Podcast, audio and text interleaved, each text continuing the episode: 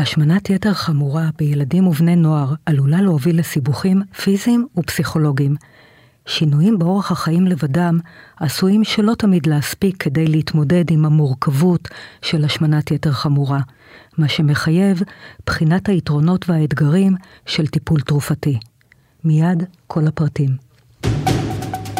אתם מאזינים למשחקי בריאות עם דן ארון ופרופסור איתמר רז. כולם יודעים שבבריאות לא משחקים, אבל יש כאלה שכן.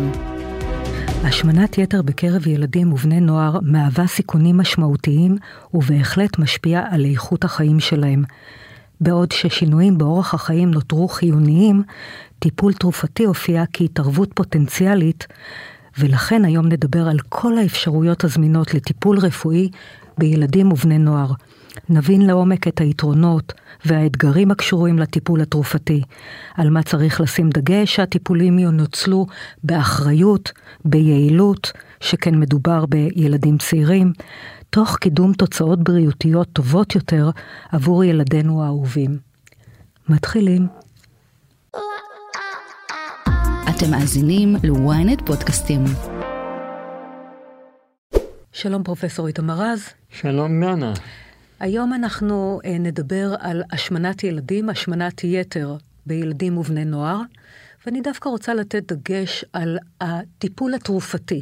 איך אנחנו יכולים לסייע ולעזור להם ל- לשמור על תזונה נכונה, על uh, שמירת המוטיבציה שלהם, ונעזור להם בכך שנדכא להם קצת את רמות התיאבון, ולשם זה יש את הטיפול בהשמנה, התרופה לטיפול בהשמנת יתר. אתה רוצה להרחיב? כן, תראי, אה, ילד בן 12-14, הוא צריך להיאבק בדבר קשה מאוד, שזה הרגלי חיים לא טובים.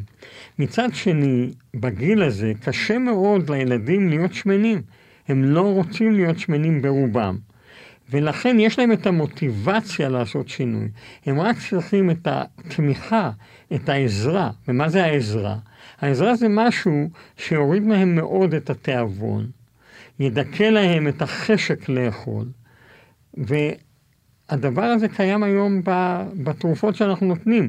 אותן תרופות שנותנים למבוגרים, הוכחו כתרופות מצוינות גם בילדים, היום הן ניתנות מגיל 12 והלאה, בעתיד הלא רחוק הן תינתנה מגיל 6 והלאה, שאז אולי גם נוכל קצת לשנות את הרגלי החיים, mm-hmm. לא יהיה מאוחר מדי, אבל היום הדרך הכמעט יחידה למנוע את המצב של עלייה במשקל וירידה במשקל ועלייה במשקל וירידה במשקל, שמלווה את השמן כל חייו. ותסכול גם בלתי נגמר, וכבר אה, זה, זה זורק אותנו שוב לאכילה רגשית וכולי. נכון. ניתן לקטוע את כל הדבר הזה. אתה יכול להגיד לי ככה בקצרה, לפני שאנחנו מזמינים את האורח שלנו, אה, על מה, על איזה מנגנונים עובדת התרופה?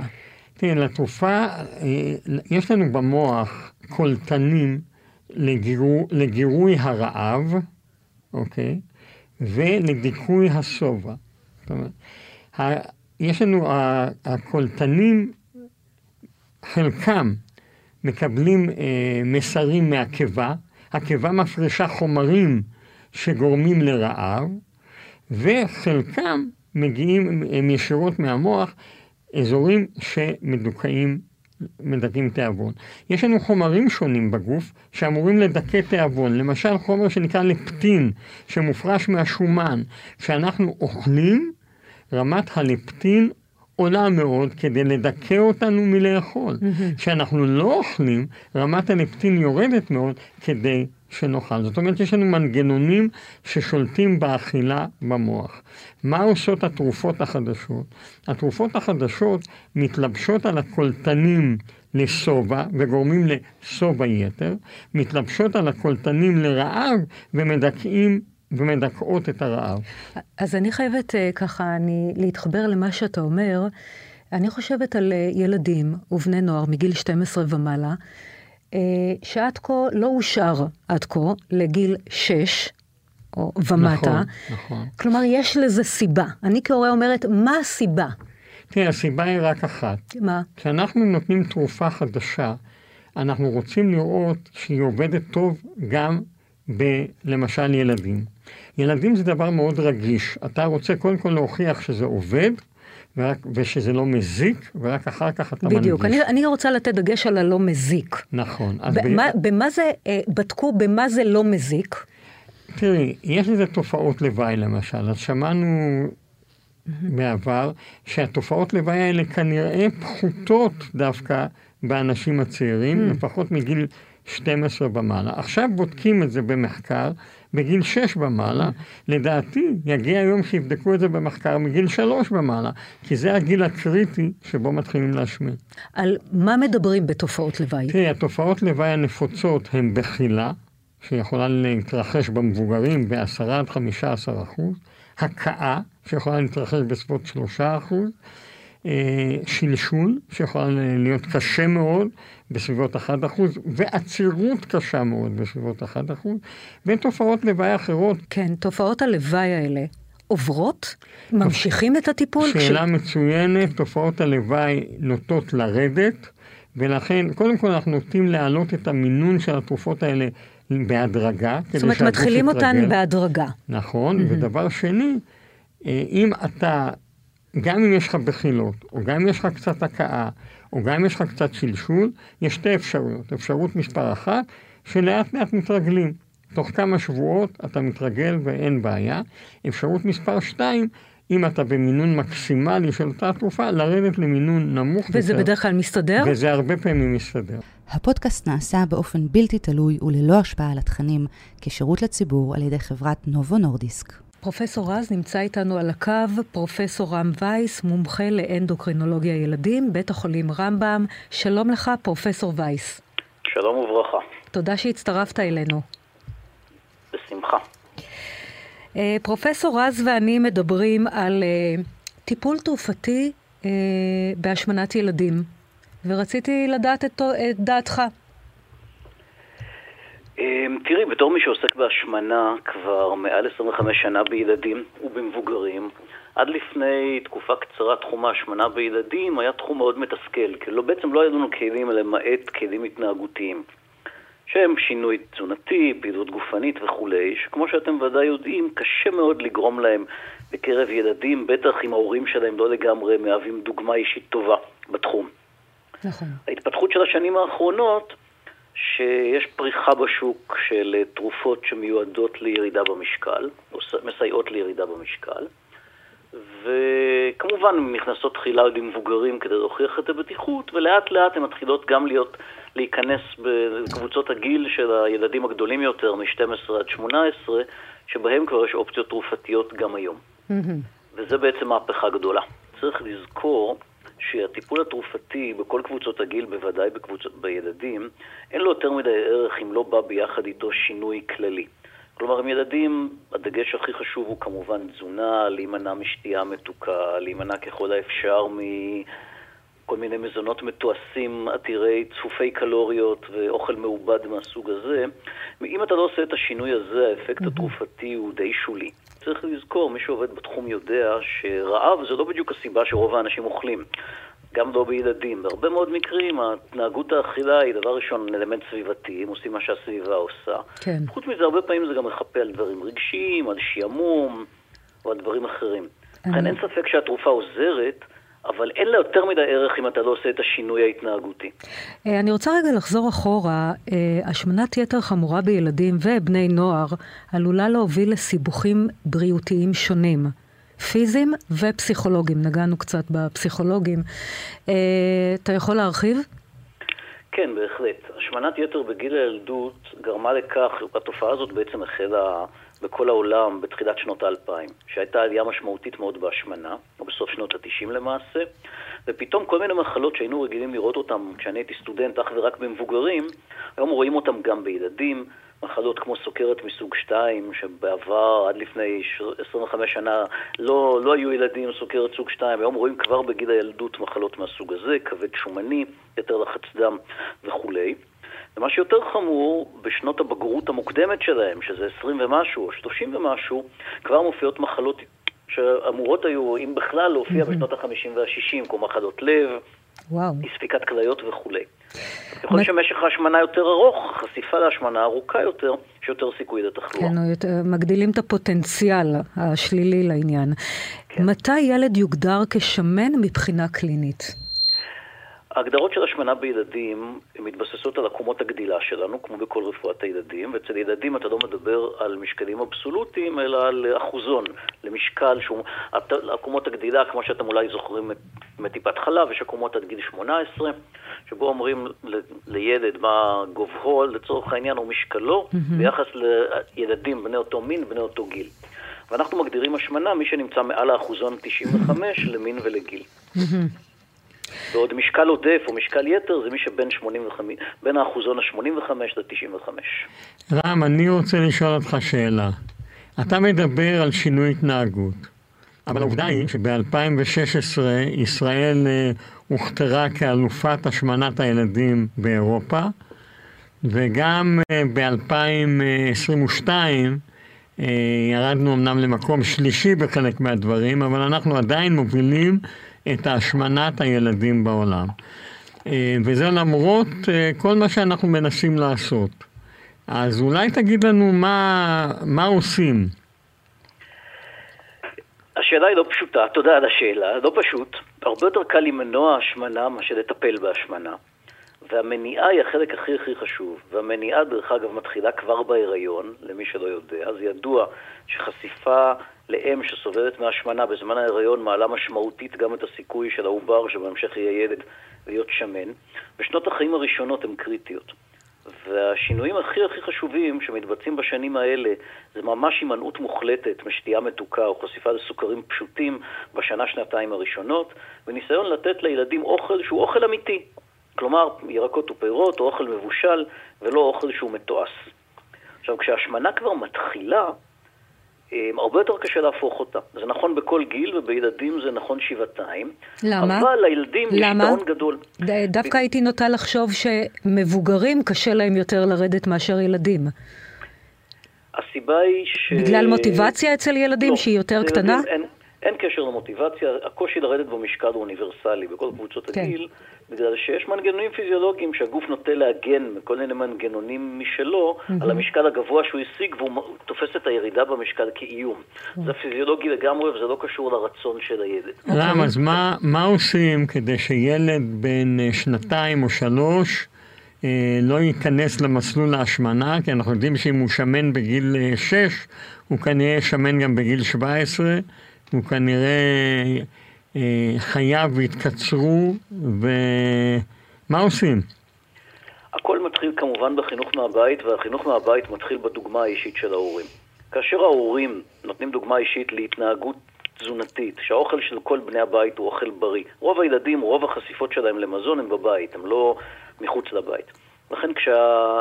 הרגלים מההתחלה, והדוגמה האישית באה מההורים כמו בכל דבר בחינוך הילדים, לא רק בחינוך לבריאות ולתזונה, גם בחינוך לערכים אחרים. כאשר ההורים נותנים את הדוגמה הנכונה, והם אוכלים מזון שהוא בריא ולא חושפים את הילד למזונות אחרים, יוצא שהחשיפות המשמעותיות הן בעצם במסיבות בגן, או כן. בבית הספר, וכולי, ששם זה פחות משנה. כן, אבל החלק הארי של האוכל הוא בעצם בבית, ושם הוא מקבל את מה שצריך. אוקיי, גם צריך לאכול ארוחות מסודרות וכולי, אבל מה עם פעילות גופנית? היום כל ילד בן שנתיים מקבל אופנוע אלקטרוני, הוא כבר לא צריך להתאמץ. אה, אח... החשיבות הגדולה של פעילות גופנית ביצירת מטאבוליזם וחילוף חומרים, מה שנקרא בריא, ושמירה על בריאותנו, והיא חשובה בכל גיל, כל הזמן. עכשיו, אנחנו יודעים שחוסר הפעילות הגופנית, מעבר לחוסר הפעילות עצמו, הוא בעצם יוצר זמן פנוי לעשות דברים אחרים, שהם מה שנקרא זמן מסך.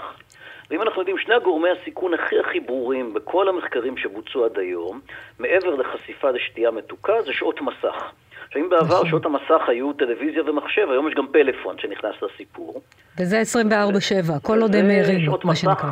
כמות כן. השעות ביום במרפאת השמנה, כמו שאני עובד בה, היא נעה בין 6 ל-12. שזה אבסורדי. בדרך כלל בכל המחקרים, כל מה שמעל שעתיים שעות מסך ביום מעלה סיכון להשמנה.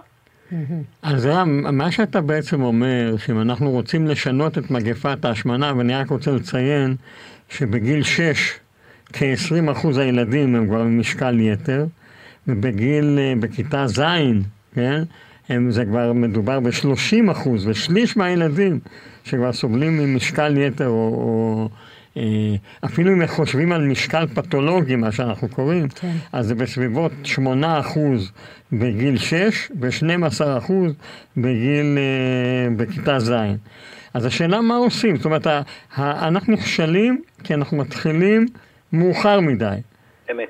אז איך עושים שינוי? האם המדבקות שאנחנו, שאני הובלתי אותן בין היתר, האם הן עושות אה, שינוי? המדבקות שמסמנות מזון, כן. כמה, כמה סוכר יש. שמסמנות, האם זה כן. עושה שינוי, או שזה, או, או שזה ממש טיפה בים? אני מאמין בהחלט שזה עושה שינוי, וזה שינוי מאוד מאוד חשוב, וחשוב, כי מי שעושה את הקניות בבית זה בדרך כלל ההורים. ויש אלמנט של, אפשר לקרוא לזה אפילו הפחדה, או מחשבה נוספת, כשאתה רואה שמזון הוא עתיר קלוריות, עתיר סוכר וכולי.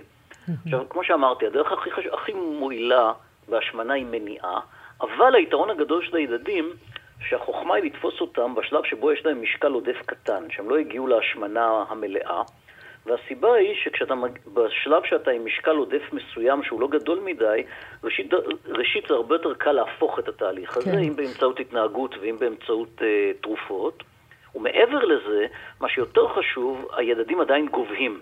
ולכן ילד לא ממש צריך לרדת במשקל בשלבים האלה, מספיק שהוא יישאר במשקל שלו, אבל יגבה לגובה, וכבר באופן מעשי הוא, ההשמע, הוא, הוא, מידת ההשמנה שלו יורדת, דבר שמבוגרים לא קיים.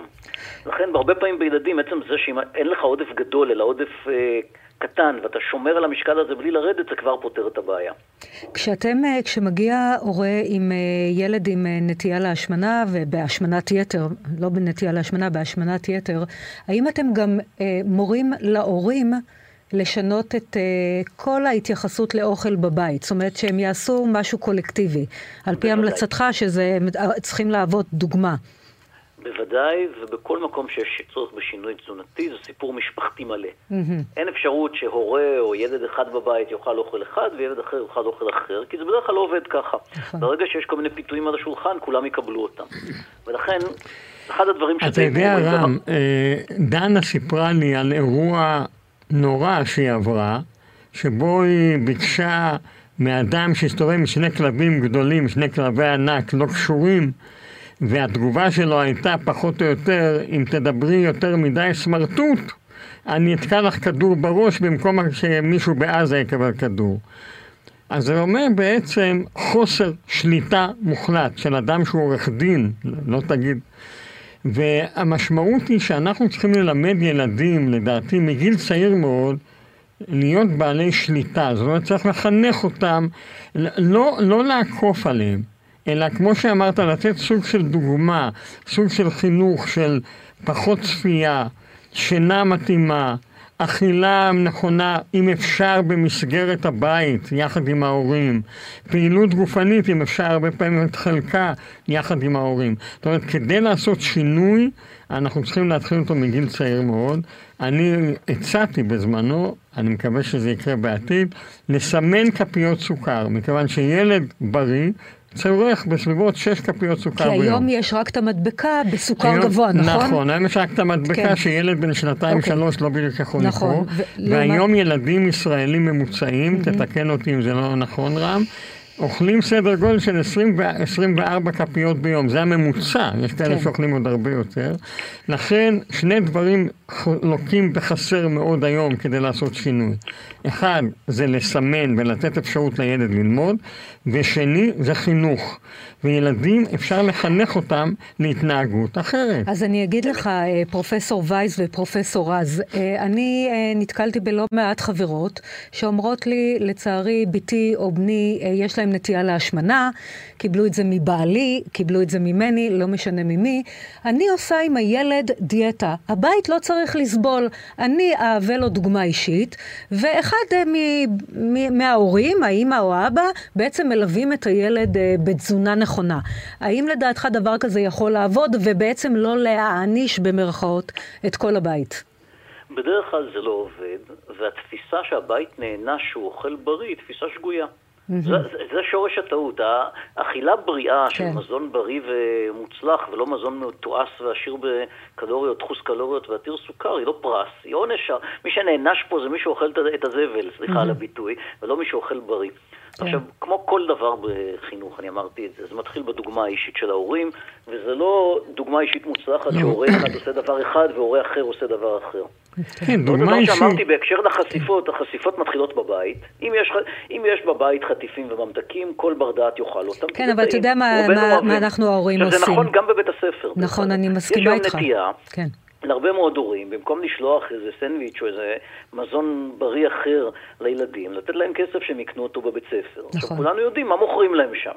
הפודקאסט נעשה באופן בלתי תלוי וללא השפעה על התכנים, כשירות לציבור על ידי חברת נובו נורדיסק. אני רוצה שנתקדם, ואני רוצה לדבר על ההחלטה על טיפול תרופתי בהשמנת יתר אצל ילדים מבוססת על מספר גורמים. מה הם הגורמים? אמ, הטיפול התרופתי המותר כיום בישראל להשמנת יתר הוא מגיל 12 קודם כל, למעט מקרים מאוד מאוד חריגים ויוצאי דופן. עכשיו, כשמגיע, המרפאה שלנו למשל היא מרפאת מתבגרים מגיל 12, ובדרך כלל מדובר תמיד בטיפול רב-תחומי, כולל אלמנט פסיכוסוציאלי ואלמנט תזונתי. עכשיו, הצורה שאנחנו עושים את זה, מצד אחד מחשבים את הסיכון, בודקים איזה תחלואה יש לילד כבר כשהוא הגיע. Mm-hmm. הרבה מאוד מהילדים מתייצגים כבר עם תחלואה די משמעותית, שאם לא מחפשים אותה, גם לא יודעים על קיומה. כי לא, לא משהו שכואב. עוד דברים כמו יתר לחץ דם, הפרעות בשומני דם, טרום סוכרת וכולי. ברגע שיש תחלואה כזאת, זה מאיץ לעשות התערבות שהיא קצת יותר אגרסיבית. עכשיו, השיטה שלנו בדרך כלל אומרת שאחרי הביקור הראשון, אנחנו מציבים איזה יעד צנוע אבל קיים לעשות כמה שינויים קטנים. Mm-hmm. כלומר, להוריד שתייה מתוקה לחלוטין, שזה האויב מספר אחד, כן. ולנסות אולי כמה שינויים קטנים בתזונה. ברגע שאנחנו רואים שיש הירתמות והילד בצורה כזאת או אחרת, לפחות חלקית, עושה את מה שאנחנו אומרים, ויש, אפילו לא, לא צריכה להיות איזו ירידה מאוד משמעותית במשקל, אנחנו מאמינים לקהל שלנו. אם רואים שיש איזו הירתמות, mm-hmm. זה השלב שבו בהרבה מקרים אנחנו נהיה, נזד... אם ההשמנה היא משמעותית והתחלואה היא משמעותית, תהיה נטייה לתת את הטיפול התרופתי, שבמקרה הזה הוא טיפול בזריקות, mm-hmm. שהוא גם כן גורם מגביל מסוים לחלק מן הקהל, mm-hmm. והשילוב של שינוי התנהגותי והזריקות, יש לו אפקט שהוא בהחלט בעל משמעות. רם, אני חושב, אני חושב שהנקודה העיקרית בסיכומו של יום זה שהילד ייקח חלק בנושא. זאת אומרת, קודם כל, לא ללחוץ עליו, לא להגיד לו, אתה שמן, אתה כזה, אל תאכל, כן תאכל, אלא לחשוב איתו, או לתת לו להיות זה שינהיג את מה שהוא יאכל יחד עם ההורים. כמובן במעטפת שאתה דיברת עליה, שגם ההורים אה, יעשו את הדברים האלה. הדבר השני ש... כן, רק אז... שהשאלה הראשונה שאנחנו שואלים את הילד במרפאה, אנחנו נוהגים לדבר עם המטופל, לא עם ההורים שלו, שבאים איתו, זה מה אתה עושה פה? למה אתה פה? עכשיו, אם הוא ילד יגיד שהוא לא יודע וההורים שלו הביאו אותו, זה כבר מפתח להבין שכנראה טוב לא יצא. אם הילד בא מיוזמתו ואומר לי משהו מפריע ואני רוצה לעשות את השינוי, זה כבר התחלה טובה. אז נכון, זה עניין המוטיבציה שדיברתי עליה לא, בהתחלה, אגב. נכון, זה שינוי, לא, למוטיבציה יש אה, אה, משמעות מאוד כבדה. נכון. כי אם אין מוטיבציה... אתה חייב להחדיר כן. בילד מוטיבציה ורצון לעשות את השינוי בעצמו. בדיוק. כשאתה מדריך אותו מה זה השינוי, וכשאתה מראה לו שגם אתה במשפחה עושה את השינוי. אני רוצה אבל לשאול אותך עוד שאלה. הבעיה העיקרית של השמנה היא מתחילה אחרי גיל שנתיים, כשאתה כבר ניתק משד האם או מהבקבוק. אה, איפה נהיה בעתיד? אני יודע שיש היום מחקרים למתן התרופות ארוכות הטווח שדיברנו עליהן, התרופות שמרזות, כבר מגיל שש. אה, יש לך איזה שהן נקודות אור בתחום הזה? אתה רואה את העתיד במתן מגיל 6, או האם אנחנו צריכים לחשוב אפילו על מתן מוקדם יותר, בגיל 3? אה, זאת שאלה מצוינת. בוא נגיד שמגיל 6 הניסויים האלה כבר מתקיימים, אפילו אצלנו. וזה עוד פעם, זה ילדים שכבר הגיעו לשלב של השמנה מאוד מסוכנת, שהם בגיל 6 ומעלה. וקשה לנו מאוד לעצור את ההשמנה הזאת. אחת התכונות של השמנה בזמן הגדילה, שמרגע שעברת סף השמנה מסוים, מאוד קל לעלות בצורה מאוד תלולה למעלה. וקשה מאוד לעצור את הילדים, ולכן במקרים יוצאי דופן, אני מניח שהטיפולים האלה ייכנסו. עכשיו, מה שצריך לזכור... מתי להערכתך? אני מניח שבשנתיים, שלוש הקרובות זה כבר mm-hmm. יהיה אפשרי, ועוד פעם, במקרים יחסית יוצאי דופן. מה מרתיע ההורים? סליחה? מה מרתיע הורים? יש הורים שאתה מציע להם את הטיפול למתבגרים בני 12 ומעלה, והם אה, אה, נסוגים ואומרים הם לא מעוניינים. מה מרתיע הורים מלקבל את הטיפול התרופתי? בדרך כלל ההורים לא מורתעים בכלל, כי אחת התכונות של המרפאות האלה, שבדרך כלל לבני נוער שמנים אין הורים רזים. אומרת, אחד ההורים לפחות מכיר את התופעה היטב, והוא מכיר גם את החוויה כן. של הנער המתבגר עם המשקל העודף, ולכן הם, ההורים רוצים את טובת הילדים, וטובתם במקרה הזה לעזור להם לפתור את בעיית ההשמנה. Mm-hmm. זה די נדיר שניתקל שדווקא ההורים לא ירצו לטיפול בזריקה, זה לפעמים קורה מצד בני הנוער עצמם. ההורים בדרך כלל מאוד חיוביים כלפי הטיפול התרופתי. Mm-hmm. יש שני, שתי בעיות בעניין הזה. אחד, הקפדה על משטר התרופות, בכל זאת. והדבר השני, תופעות לוואי אפשריות שדורשות התייחסות, בטח ובטח שמדובר בצעירים. אה, מבחינת המשטר, רוב, רוב בני הנוער לפחות הם אחראים מספיק, וההיענות היא די טובה, בעיקר אם, אתה, אם, אם המטופל מגויס לצורך העניין ועושה. Mm-hmm. עם זה אנחנו מסתדרים לא רע. לגבי המשמעות ארוכת הטווח, זאת שאלה גדולה, והיא שאלה מאוד חשובה. כי אחד הדברים שהראו לפחות המחקרים של המבוגרים, וכבר חלק גם מהמחקרים של בני הנוער, שמדובר בעצם בתרופות ובטיפול כזה או אחר שהוא בעצם לתקופות מאוד מאוד ארוכות, אם לא לכל החיים. כן, כרוני, בעצם הטיפול, טיפול כרוני. המשקל עולה בחזרה. Mm-hmm. ולכן לקחת מישהו בגיל מאוד מאוד מאוד צעיר, וכבר להתחייב לכל כך הרבה, צריך להבין את המשמעות של זה, שבעצם החשיפה לתרופות האלה תהיה מאוד ממושכת. אני מניח שהעתיד של התחום הזה יהיה שאחרי ירידה משמעותית במשקל, אולי תעבור לאיזו תרופה אחרת שהיא קלה יותר כדי לעזור לך לשמור על המשקל וכולי. יהיה פה איזה קצת משחק של שינויי תרופות מדי פעם. Mm-hmm. אבל צריך להבהיר למטופלים. אבל היום זה לא. קיים. היום זה בעצם, אתה לוקח את התרופה ואתה אה, יודע, סע, סע לשלום מה שנקרא. לא, אנחנו נותנים את כל ההסברים מראש. Mm-hmm. אני אוהב שהמטופלים שלי ידעו מראש מה כן. עומד בפנים. לא, אבל ההסבר הוא... קודם כל צריך לעשות תיאום ציפיות. כן, יש כאלה שחושבים שהם ייקחו זריקה בלילה ובבוקר הם יקומו כן. כדוגמנים. זה mm-hmm. לא המקרה. Mm-hmm. ומצד שני גם צריך להסביר להם שזה תהליך איטי, שדורש הרבה שיתוף פעולה. אם אין שיתוף פעולה, זה האלמנט של התרופ... האפקט של התרופה כן, הוא מאוד מצומצם, אם לא עוזרים. לה. וברגע שהם יגיעו להישג שהם רוצים, הם צריכים לשמר אותו. שזה עוד יותר קשה מלרדת במשקל, זה לשמור על המשקל. כן. וכנראה שהם יזדקקו לתרופה זו או אחרת גם כדי לשמור על זה. רם, אה. שאלה, שאלה לרם. מה, מה עם ניתוח קיצור קיבה, או מה העתיד למתן תרופות שיוכלו לחסוך אה, קיצור קיבה? הזריקות החדשות. כיום עושים ניתוחי, ניתוחים בריאטריים או ניתוחי קיצור או מעקפי קיבה במתבגרים בכמויות די קטנות, בעיקר במקרה השמנה הקיצונית עם תחלואה, המספרים האלה הם לא גדולים, וגם שם דרך אגב, ככל, הסטטיסטיקה מראה ברוב המקרים שככל שהמטופל היה מתבגר יותר צעיר, הסיכוי שהוא יעלה בחזרה במשקל עולה. לכן זו לא מציאה כל כך גדולה. עכשיו היום התרופות היותר חדשות שנמצאות כרגע בניסויים, הן עוד לא הגיעו לילדים, אבל נמצאות בניסויים במבוגרים, שמשלבות שניים ואפילו שלושה חומרים, שחלקן כבר פורסמו, מגיעות לתוצאות ירידת במשקל שהן לא מאוד רחוקות מהניתוח. נכון. שמה התוצאה באחוזים? שתמיד אפשר להפסיק אותו, בשונה מניתוח שאחרי שעשית אותו קצת קשה להתחרט.